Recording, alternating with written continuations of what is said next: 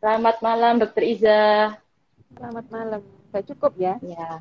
Tampilannya. Cukup, dok, cukup. Selamat malam, Assalamualaikum. Salam, dokter.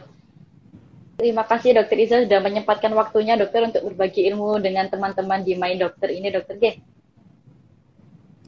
Okay, uh, sebelumnya saya perkenalkan dulu ke G ke teman-teman main dokter mungkin belum tahu siapa dok dokter Iza ini. Jadi dokter Iza Tul Fitria adalah spesialis kedokteran jiwa yang berdomisili di Surabaya ya dok ya? Iya betul sekali. Dengan dek siapa ini? Teman-teman Salma ya? Saya, ya ya dok, saya Salma. Oke. Okay, Nanti ya, dokter Iza akan membahas tentang depresi dari awal uh, pengertian depresi sampai bagaimana penanganannya ya dok. Mungkin dalam 30 menit ini kalau tak cukup kita akan bagi menjadi dua sesi ya dok ya. Oke. Okay. Yes, dokter uh, silakan dokter kami persilakan waktunya pada dokter Iza. Oke, Dek Salma, uh, Dokter Salma ini mungkin kita juga nerima apa namanya pertanyaan dari ya. dari yang lain apa enggak atau Cukup uh, dari dokter Salma aja. Dari 30 menit ini kita bagi dua sesi ya dok ya. Jadi yang pertama selama 15 menit penjelasan sekilas tentang depresi oleh dokter Iza. Kemudian 15 menit kemudian selanjutnya kita akan menerima pertanyaan dari teman-teman uh, my dokter. Oke, terima kasih. Jadi saya mulai langsung ya, depresi itu apa ya? Iya dokter silakan. Oke, jadi uh, depresi ini merupakan suatu gangguan mood ya, atau gangguan suasana perasaan di mana uh, suasana perasaan pasien atau mungkin bagi penderita depresi ini seperti rasanya turun gitu ya. Jadi uh, tidak seperti biasanya. Jadi suasana perasaan yang turun kemudian juga sedih gitu ya rasanya. Kayak uh, seperti kalau anu gloomy gitu ya kalau orang-orang menyebutnya ya Terus kemudian juga ada seperti jadi ada tiga triase. Yang pertama adalah affect mood yang depresi. Jadi ter, uh, terlihat mungkin uh, dari teman-teman sekitar kita memandang atau melihat kita kok jadi berubah ya. Jadi wajahnya jadi depresi, jadi jadi diem, jadi jadi sedih begitu murung gitu ya. Terus kemudian berikutnya uh, A yang kedua adalah anhedonia. Jadi hilangnya rasa senang yang dulu biasanya mungkin nonton drakor ya sekarang ya. Dulu uh, nonton drakor yeah. itu seneng terus sekarang jadi nggak seneng gitu ya. Jadi menurunnya rasa senang atau anemia terus kemudian uh, berikutnya adalah anergia ya. Uh, hilangnya tenaga atau jadi lemes gitu ya. Yang ngapa-ngapain jadi males kurang semangat gitu. Seperti tidak punya tenaga.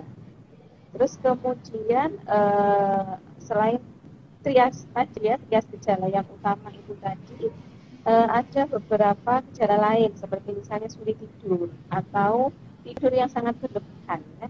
Uh, istilahnya tidur tidak seperti biasanya kadang kadang sulit tidur kadang tidurnya berlebihan pada beberapa pasien tidak beda terus kemudian juga ada gangguan fungsi kognitif ya uh, gangguan konsentrasi lebih tepatnya ya. jadi seperti misalnya ya mengerjakan pekerjaan yang tidak selesai-selesai mungkin skripsi karena murung pakai mikir jadi sulit gitu ya. Terus kemudian skripsinya tidak bisa selesai-selesai. Terus kemudian juga seperti ada rasa seperti tidak ada harapan lagi putus asa kemudian pada beberapa pasien juga ada ide-ide kematian.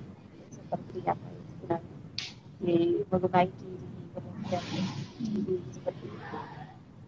Nah e, untuk gejala depresi ini tadi sebenarnya penyebabnya banyak ya ya jadi kalau kita golongkan dalam diagnosis itu bisa mulai dari gangguan penyesuaian dengan episode dengan reaksi depresi itu juga bisa ya jadi mungkin orangnya punya masalah yang sangat besar terus kemudian membutuhkan adaptasi yang sampai kemudian juga menimbulkan efek depresi itu juga bisa ya. jadi diagnosis yang uh, apa namanya paling pertama adalah gangguan penyesuaian dengan reaksi Terus kemudian gangguan yang lain juga ada gangguan bipolar ya. E, episode depresi juga bisa terjadi. Jadi mungkin dalam riwayatnya dijumpai juga ada episode mania ya, moodnya yang naik dan juga episode depresi. Jadi kalau bipolar seperti itu ya ada ada dua episode, ada episode mania dan episode depresi. Terus kemudian juga ada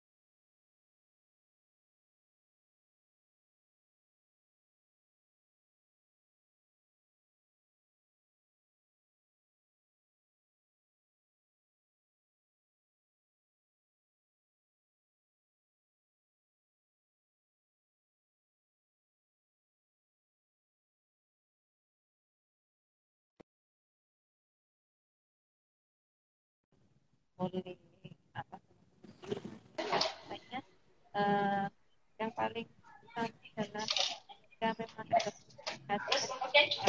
tidaknya kita sampai karena beberapa masalah itu akan lebih bisa ya, lebih bisa uh, ada resolusi gitu ya kalau kita bisa juga ke orang lain ya terus kemudian yang kedua supaya kita baik ya otomatis kita juga harus istirahat cukup ya kita supaya tidak stres istirahat cukup mungkin makanan makan makanan gizi terus kemudian juga aktivitas fisik juga yang seimbang istirahat otomatis juga tetap harus aktivitas seperti itu ya sudah bersama mungkin ada yang mau uh, ada sesi pertanyaan dari Iya dokter. Sebelumnya ini Ya, sebelumnya tadi kan dijelaskan tentang trias yang depresi itu ya dok ya, ada yang uh, apa namanya apa gangguan ekspresi ekspresi wajah yang selalu sedih, kemudian ada tidak rasa uh, rasa tidak senang uh, kehilangan minat sama apa anergia yang rasa lemas terus ya dok ya. Itu apakah tiga hal itu selalu muncul atau bisa itu nggak muncul tapi gejala lainnya malah yang muncul dok? Ya, oke. Okay memang uh, trias tadi memang tidak harus muncul semuanya ya Dek ya. Ya bersama ya. Untuk mendiagnosis uh, ini kategori depresi ringan kategori depresi sedang atau berat itu nanti kita bisa konsultasi lebih lanjut ke psikiater ya. Tentunya uh, kalau episode berat itu uh, harus ada trias tadi ya. Dan tidaknya harus ada terus kemudian diikuti empat gejala minor lainnya ya, gejala lainnya yang tadi yang gangguan konsentrasi, sulit tidur, begitu ya. Kalau ringan nanti trias depresinya berapa, terus kemudian gejala minornya berapa, begitu ya. Jadi untuk itu memang harus uh, konsultasi lebih lanjut ke psikiater, begitu. Memang harus ini ya dok ya, bertemu langsung dengan psikiater ya dok ya. Gak bisa yang ya. harus, oh lewat chat aja gitu, nggak bisa ya dok ya berarti ya? Nggak bisa, karena memang kita harus ya, tahu ya ekspresinya ekspresinya pasien seperti apa begitu ya apakah memang cukup memang benar-benar depresinya berat ya efek efeknya memang sangat-sangat depresif begitu jadi memang harus kita harus tahu secara langsung kondisi pasiennya seperti apa. Itu udah besar ya dokter. Selanjutnya kita buka sesi pertanyaan aja ya dok ya. Tadi sudah ada yang bertanya dok. E, bedanya cemas dan depresi itu apakah sama atau ada perbedaannya dok? Oke. perbedaan cemas uh, dan eh, depresi ya cemas dan depresi. Kalau dari gejalanya memang beda ya dek ya. Kalau cemas itu cenderung ke perasaan khawatir ya khawatir terus kemudian rasa kadang was-was kepikiran gitu ya. Itu biasanya hmm. kalau cemas. Kalau depresi kan cenderung moodnya ya dek ya. Mood yang apa namanya depresif begitu ya. Atau gejalanya jelas ke depresi atau perasaan sedih seperti itu. Jadi kalau dilihat memang beda. Tetapi biasanya pada pasien itu akan didapatkan gejala yang kadang tumpang tindih atau bersama-sama begitu ya muncul. Hmm. Jadi biasanya pada orang yang e, depresi juga diikuti gejala-gejala cemas yang lain. Nah, untuk mendiagnosis itu depresi atau cemas tentunya memang harus konsultasi lebih lanjut ya lebih dominan yang mana begitu apakah e, cemasnya itu akibat dari depresinya seperti itu jadi memang harus dibedakan ya harus memang kalau dari segi gejalanya memang beda tetapi pada e, kondisi pasien biasanya bisa muncul dua-duanya sekaligus hmm. kemudian kapan mungkin kan kadang kan orang tuh mau periksa ke psikiater itu kayak takut nanti dianggap gila gitu dok. Uh, mungkin ada satu apa ya kapan muncul gejala seperti apa yang seharus langsung segera ke psikiater gitu, sebelum terlambat gitu dok. Dari semua gejala-gejala depresi yang sudah dijelaskan oleh dokter Iza. Oke, untuk datang ya mungkin itu terkait dengan stigma ya, ya. stigma di masyarakat iya. bahwa kalau orang ke psikiater itu pasti orang gangguan jiwa berat ya, yang iya. mungkin, uh, biasanya kita menyebutnya kalau dalam dunia kedokteran itu ya itu mungkin yang iya. sangat berat tapi schizophrenia pun juga beberapa sudah ada yang membaik dengan residual menjadi iya. residual ya. jadi seperti bisa beraktivitas kembali dan terkontrol dengan pengobatan. Tapi sebenarnya untuk saat ini saya rasa dari masyarakat juga sudah mulai terbuka ya bukan hanya gangguan jiwa berat yang datang ke psikiater. Bahkan banyak orang yang sulit tidur ya sulit tidur sedikit itu udah langsung datang ke psikiater. Memang psikiater. itu sangat diperlukan ya dek supaya kita bisa mendiagnosis lebih awal dan tidak menjadi lebih berat begitu. Jadi sebaiknya kalau memang ada keluhan-keluhan terkait psikologis ya mungkin. Uh, tadi seperti misalnya kok tiba-tiba saya turun itu sudah bisa konsultasi ke psikiater hmm, ya karena konsultasi psikiater pun juga tidak perlu dikasih obat ya beberapa juga bisa lakukan konseling. Dan setelah itu kita berikan apa namanya uh, psikoedukasi ya suggestion apa-apa begitu ya. Dan bisa dilakukan membaik ya memang tidak tidak perlu untuk diberikan obat begitu ya. Jadi uh, masalah-masalah yang awal pun muncul boleh datang ke psikiater dan sekarang rasanya sudah sudah awam ya uh, orang datang ke psikiater itu sudah cukup banyak sekali dan bahkan psikiater sekarang bukan hanya memeriksa yang sakit ya memeriksa yang yeah. sehat seperti tes kesehatan mental itu ya calon CPNS kemudian apa namanya eh, pengangkatan menjadi pegawai tetap itu semuanya melalui psikiatri ya tes calon pilkada itu ya jadi semuanya yeah. polisi psikiatri dan tidak perlu apa namanya tidak uh, perlu menunggu gejala gitu ya dok ya? psikiatrinya sekarang sudah tidak ada stigma lagi. Dokter. Ini dokter uh, saya itu pernah ada ya, ada mitos gitu ya dok ya. Mungkin teman-teman juga sering mendengar. Uh, orang yang sering kena depresi itu adalah orang yang punya ciri kepribadian introvert. Itu sebenarnya benar apa enggak sih dok? Oke kalau kalau seperti itu pasti sebenarnya tidak ya ya. Jadi tergantung ya tergantung pada masing-masing meskipun introvert tapi kalau sudah punya ego strength yang cukup uh, apa namanya dalam menyelesaikan masalah misalnya ya, cukup meskipun asalnya tidak jadi masalah tapi memang uh, untuk kepribadian yang bisa terbuka dan teman curhat itu tentunya lebih baik ya, untuk dalam menanggulangi apa namanya mencegah depresi. Jadi memang kalau disebutkan dalam psikiatri ya psikoterapi katarsis itu katarsis itu sudah masuk dalam salah satu terapi ya. Jadi kita curhat itu sebenarnya salah satu bentuk terapi medis. Jadi emang disarankan kalau bisa ada teman curhat begitu ya di sana ya. Hmm. jadi nggak membedakan ya dok ya meskipun dia seorang ekstrovert maupun introvert tetap memiliki resiko yang sama ya dok berarti ya?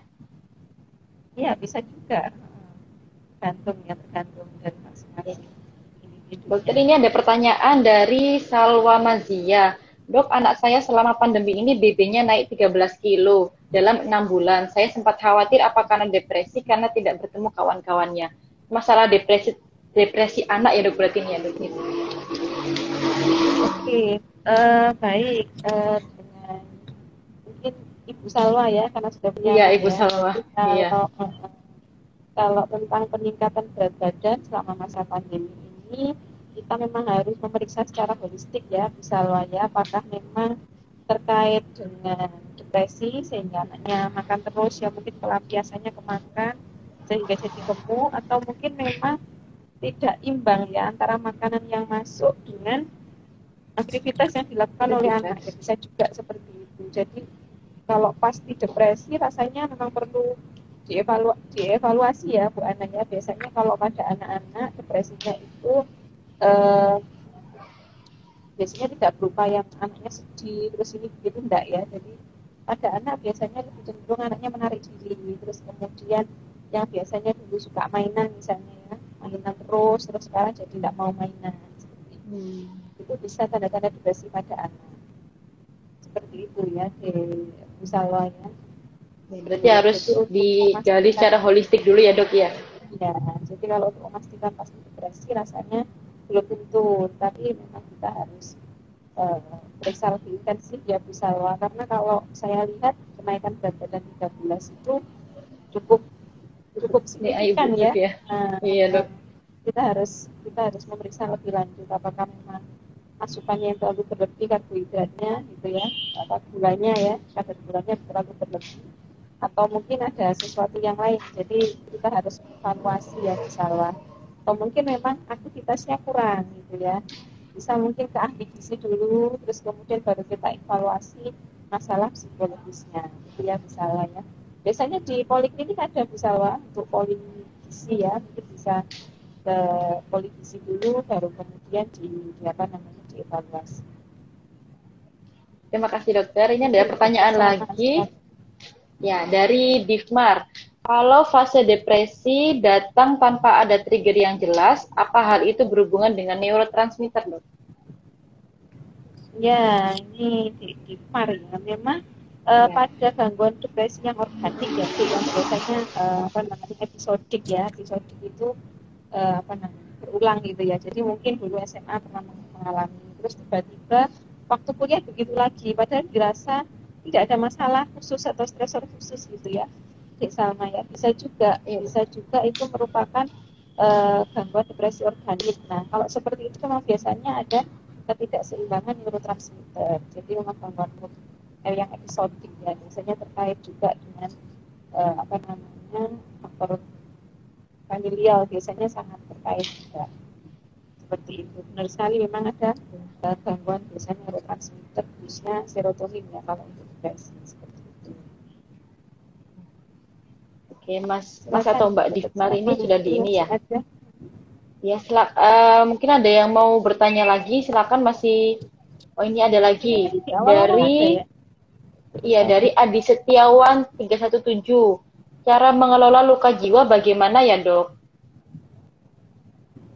cara mengelola luka jiwa itu dok apa luka jiwa itu dok mengelola luka jiwa ya mengelola luka jiwa itu mungkin uh, kita harus ini dulu ya dari Salma ya Aji ya. Kita harus uh, mengevaluasi ya. Jadi kalau langsung bagaimana cara me, apa namanya mengatasi luka jiwa tentunya yang pertama kalau orang mungkin bilang secara gampang ya move on itu tadi ya. Yang iya. lalu biarlah lalu begitu ya. Tapi kadang beberapa luka itu menimbulkan trauma yang yang kadang kita tidak bisa menganggap enteng oh ya sudah selesai gitu ya. Nah untuk luka-luka yang susah untuk sembuhnya itu memang lebih baik uh, de, de, apa itu ini ya apa namanya uh, mungkin kalau ini temannya ya bukan kasusnya di adi sendiri mungkin bisa menyarankan ke psikiater ya atau uh, ke psikiater kalau bisa untuk menyem, uh, istilahnya menyembuhkan luka-luka lama tadi ya luka-luka yang istilahnya trauma begitu ya yang tidak bisa dilupakan atau tidak bisa disembuhkan begitu. Nah sebenarnya tips-tipsnya yang pertama adalah kalau ada luka seperti itu yang pertama adalah memaafkan karena kalau tidak dimaafkan luka itu akan terus membekas jengkel gitu ya mantel. Tapi kalau kita sudah bisa memaafkan pelan-pelan e, luka itu akan akan terlupakan jadi kita menyadari memang bahwa itu menyakitkan ya sadar ya. jadi sadar kalau itu memang menyakitkan tetapi kita bisa memaafkan itu yang paling baik ya. memaafkan orang lain memaafkan diri sendiri kalau memang itu masih dalam tekan terima kasih dokter. Ini ada per ya. ya ada pertanyaan lagi. Kalau fase depresi eh sudah ini dok ingin bertanya hubungan depresi dengan ansietas apa ya dok? Hubungan depresi dan ansietas ya apa ya? Jadi memang e, pada depresi dan ansietas itu memang kalau di bilang memang sering muncul bersamaan ya dek ya. Sering muncul bersamaan dan memang gejalanya memang kadang juga munculnya sering sering pada pada satu gangguan itu muncul secara bersamaan. Seperti itu. Dan biasanya pada orang-orang pada obat golongan depresan juga bisa berfungsi anti ansietas gitu. Ini ada dokter pertanyaan dari Fitri Sukmawati. Mau tanya dok, biasanya kalau orang depresi berhenti minum antidepresan berapa lama? Minimal minum antidepresan berapa lama? Itu pertanyaannya dari Fitri Sukmawati dokter. Minum okay, antidepresan baik. sebaiknya berapa lama gitu dok? Pertanyaan. Oke, baik deh. Kalau memang untuk mengawali suatu gangguan depresi ya pertama kalinya memang uh, depresi itu kadang bisa apa namanya obat antidepresan itu bisa memberikan efek setelah 1 sampai 2 minggu. Jadi untuk kasus yang awal sekali pada saat menjumpai depresi kita berikan antidepresan memang untuk efeknya jika kita ketemu pasien gitu ya tidak seperti paracetamol ya diminum satu jam langsung dingin gitu ya langsung panasnya langsung turun gitu ya. Kalau pada uh, antidepresan tidak seperti itu ya pada obat depresi. Jadi memang membutuhkan waktu ya untuk untuk ber, uh, bereaksi gitu ya sekitar satu sampai dua minggu. Terus kemudian jika uh, apa namanya setelah satu sampai dua minggu sudah memberikan efek baik tentunya akan kita evaluasi ya diikuti kemudian di follow up apakah nanti saat diturunkan misalnya ya setelah satu bulan sampai dua bulan misalnya diturunkan tidak ada eh, apa namanya eh, perburukan gejala maka mungkin bisa di dan yang kedua memang untuk terapi ini sangat tergantung pada uh, pemecahan masalah ya coping stresnya masing-masing orang ya. Jadi kalau orang itu setelah di psikoterapi coping stresnya bisa berubah otomatis uh, untuk pengobatan mungkin bisa diminimalkan. Dan yang kedua adalah insight ya, insightnya apa namanya pasien ya. Kalau pasiennya sudah bisa mengenali bagaimana gejala dia mau kambuh, mungkin saat uh, moodnya agak turun, kemudian dia bisa mengatasi mungkin dengan beraktivitas olahraga gitu ya, yoginya keluar, kemudian beraktivitas di luar, di uh, outdoor gitu ya, dan itu bisa menyembuhkan apa moodnya bisa naik lagi otomatis obat tidak tapi pada beberapa yang gangguan depresi yang episodik biasanya memang membutuhkan jangka panjang. Mungkin dengan dosis optimal maintenance. Berarti memang harus selalu ini ya dok ya kontrol apa ya kontrol dengan apa ya berhubungan langsung dengan dokter dengan psikiatrisnya berarti ya dok ya. ya. Berarti nggak boleh putus obat secara langsung gitu dok ya harus sesuai dengan ya, anjuran dokter psikiatris. Itu sendiri itu yang tidak boleh ya. Mungkin nanti ya. akan evaluasi ya. dari kita. Ya dokter. Ini ada pertanyaan lagi dokter. Uh, dari Salwa lagi dokter. Kalau tidak minum nggak bisa, kalau tidak diminum nggak bisa tidur lagi, kerasan drodok. Apakah memang harus minum antidepresan terus? Apakah tidak ada efek samping dari antidepresan ya dok? Efek samping antidepresan.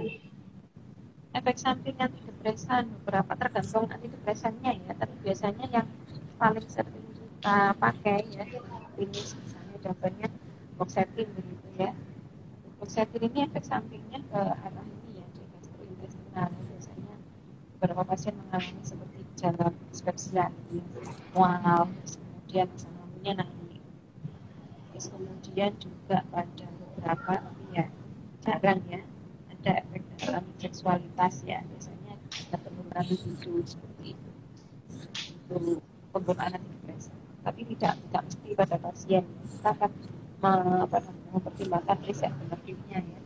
Dan otomatis sebenarnya antidepresan ini sangat membantu pasien-pasien depresi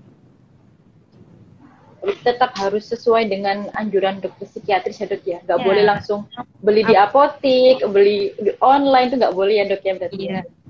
Ya meskipun online ada dijual ya ya dijual. Iya. Bebas. Tapi memang sebenarnya eh, apa namanya seharusnya tidak boleh seperti itu ya. Harus dalam pengawasan dari dokter atau psikiater. Masih ada tujuh menit lagi dokter. Ini ada pertanyaan lagi.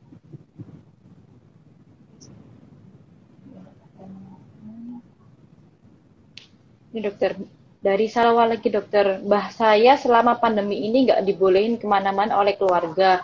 Akhirnya setiap malam tidak bisa tidur, sudah diberi antidepresan oleh dokter. Tapi sangat ketergantungan dokter. Itu bagaimana dok? Apakah harus konsultasi ke dokter psikiatrisnya atau bagaimana dok itu? Oke, ini anu ya, memang benar-benar karena pandemi atau bagaimana ya, salah ya. Mungkin kalau uh, dari meningkatnya ya. dari pandemi kalau ya dokter. Kalau memang selama masa pandemi saja munculnya, uh, bisa juga itu kalau dibilang itu ada cabin fever gitu ya, yang akan menyebabkan cabin karena bosan di dalam rumah ya. Memang pada beberapa orang itu ada yang strict strict tidak boleh keluar untuk para lansia karena itu sangat berbahaya ya dengan penyakit komorbid begitu. Nah, kalau seperti ini mungkin yang perlu diatur adalah aktivitasnya dulu ya. Selain obat, kita sangat perlu mengatur aktivitas dari e, para lansia ya. Apakah pagi ini tidak ada kegiatan jadi tidur terus ya? Otomatis pada saat malam hari jadi tidak bisa tidur karena tidurnya sudah kepotong pada pagi hari. Dan lansia memang biasanya tidurnya e, lebih singkat daripada kita ya sekitar 4 sampai 6 jam kebutuhan tidurnya total tidurnya total sleepnya sekitar 4 sampai 6 jam. Nah kalau sudah diambil pagi terus kemudian uh, pagi diambil 2 jam ya pagi siang 2 jam. Otomatis malam tinggal 2 sampai 4 jam. Ya, dan mungkin itu uh, kalau beliaunya bisa bisa menikmati malam hari itu meskipun tidak tidur. Ya beberapa lansia itu ada juga yang menikmati ya meskipun tidak bisa tidur malam ada yang uh, apa namanya ya YouTube kemudian ada yang YouTube itu komen-komen gitu ya. Kalau menikmati sebenarnya tidak tergolong dalam insomnia jadi tidak apa-apa ya. Insomnia itu kalau ada preokupasi atau pikiran yang terus berulang tentang kesulitan tidur dan efeknya kalau tidak bisa tidur jadi mengeluh badan jadi sakit semua nih bisa tidur itu, namanya insomnia. Tapi kalau sebenarnya uh, meskipun malam tidak bisa tidur asalkan beliaunya tidak merasa terganggu dan secara fisik tidak ada gangguan sebenarnya tidak masalah meskipun uh, berkurang jamnya tidur Berarti dievaluasi dulu ya dok ya paginya itu ya dok ya. Aktivitasnya dan jam tidurnya memang memang harus dilihat. Memang cuma 4 sampai enam ya. jam itu ya dok ya. Total sleepnya kebutuhannya segitu. Dan mungkin kita bisa evaluasi aktivitas hariannya ya, ya. Untuk para lansia apakah memang paginya memang banyak tidur ya. Otomatis kita carikan aktivitas supaya pagi itu tidak banyak bisa. Mungkin Bu Salwa sudah terjawab ya Bu Salwa ya pertanyaannya. Oke, silakan kalau ada lagi masih ada. Silakan. Oh, ini ada lagi dok dari Anissa. Cara mengontrol pikiran saat depresi bagaimana ya dok? Cara mengontrol pikiran kita lihat dulu ya semacam apa pikirannya ya kalau misalnya depresi. Itu biasanya yang sering itu seperti merasa tidak mampu gitu ya. Rasanya kok misalnya ini ya mau skripsi rasanya kok dosennya sulit banget gitu ya. Ditemuin padahal memang belum dicoba. Nah kalau seperti itu kita harus melawan ya. Misalnya ada pikiran tapi dulu nanti jangan-jangan ditolak usul saya sama ini. Jangan-jangan nanti uh, direvisi lagi Nah, untuk seperti itu memang kita harus melawan ya bahwa misalnya skripsi itu ya wajar kalau direvisi namanya mahasiswa. Nah itu kita harus lalui gitu ya. Dan apakah mesti direvisi begitu ya?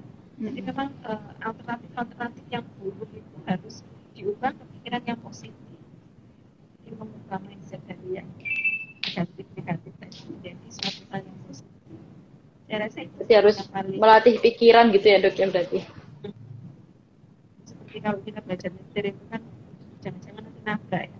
Kalau nggak iya. dicoba dulu ya akan berpikiran begitu terus gitu, gitu ya. iya. kita harus berpikir positif dulu bahwa nanti tidak akan nyoba dan kita coba benar nah nanti lama-lama kan akan terampil ya. Jadi terampil untuk berpikir positif itu yang harus dilatih berarti memang harus pikiran-pikiran negatif harus harus dilawan dibabat habis biar Gak ada itu depresi ya dok. Ya, coba untuk selalu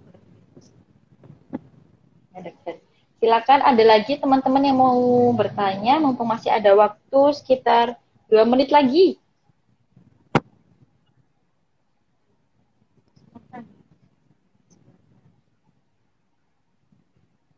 Ya tadi agak um, tertarik sama tentang yang depresi anak itu dok. Jadi kalau de, sebenarnya kalau depresi pada anak itu memang gejalanya tuh sama seperti orang dewasa atau tadi kan kata dokter Iza kan lebih ke menarik diri tuh ya dok ya. Tapi apakah seperti ya atau gejala-gejala lain seperti depresi pada dewasa tuh bisa muncul pada anak-anak ya dok?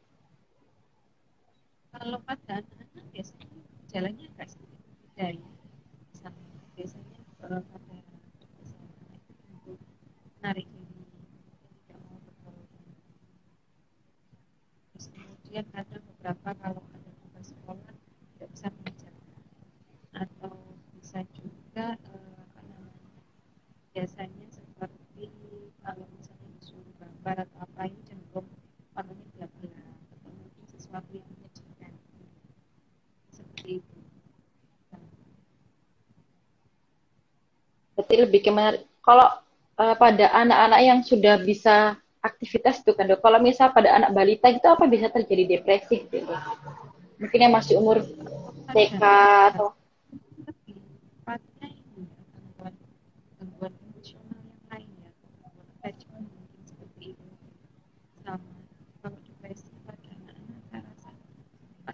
jarang ya jadi lebih jarang lebih ke arah biasanya kita pengasuhan dan diagnosisnya berbeda dengan dewasa. Dia ada lagi golongan Ini dokter pertanyaan terakhir dokter ya. Dari Anissa lagi dok. Saya kan depresi dok. Apa ada hubungannya dengan iman? Karena sering dibilang kurang iman. Oke, itu rasanya mantul ya kalau seperti itu ya. Iya. Kalau orangnya depresi itu malah yang apa imannya beberapa itu ada yang seperti itu jadi tidak tidak mesti ya tidak mesti hubungan dengan iman ya jadi ada beberapa orang yang spiritualitasnya tinggi ada yang depresi ya tergantung tadi ya tergantung apa namanya penyebabnya ya. Kalau memang ada depresi endogen atau depresi organik ya meskipun iman yang kuat juga bisa juga terjadi depresi tapi kalau misalnya ada gangguan penyesuaian gitu ya apa namanya ada masalah yang sangat besar terus kemudian uh, spiritualnya bagus biasanya kopinya bisa terhindar dari depresi tapi kalau dibilang pasti kurang iman tidak dokter uh, sudah 30 menit dokter. Terima kasih atas waktunya. Mungkin ada sepatah dua patah kata dari dokter Iza untuk kesimpulan dari malam hari ini dokter. Mungkin saran kepada teman-teman. Oke, kalau kesimpulannya jika menemukan pasien depresi atau mungkin teman kita ya depresi atau tanda-tanda depresi maka yang pertama adalah uh, tetap didampingi ya tetap didampingi tunjukkan kemudian emosional kita terus kemudian uh, jangan lupa di dirujuk ya ke puskesmas atau ke psikiater Terima kasih Dokter Iza atas waktunya. Nanti uh, kita izin save live hari ini di feed Instagram kami ya dok ya.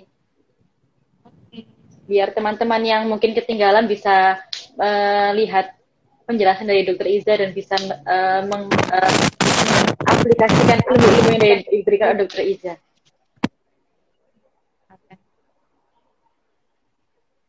Terima kasih dokter. Selanjutnya ini ada yang memberi saran. Waktunya diperpanjang. Mungkin ada sesi selanjutnya dokter. Ya mungkin entah tanggal berapa nanti kita ini lagi. Ya kita jodohin lagi dokter. Karena banyak yang masih ingin bertanya-tanya di kolom pertanyaan dokter.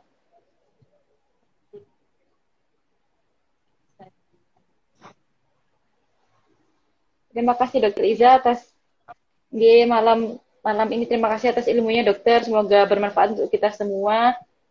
Ditunggu live-live selanjutnya dokter G.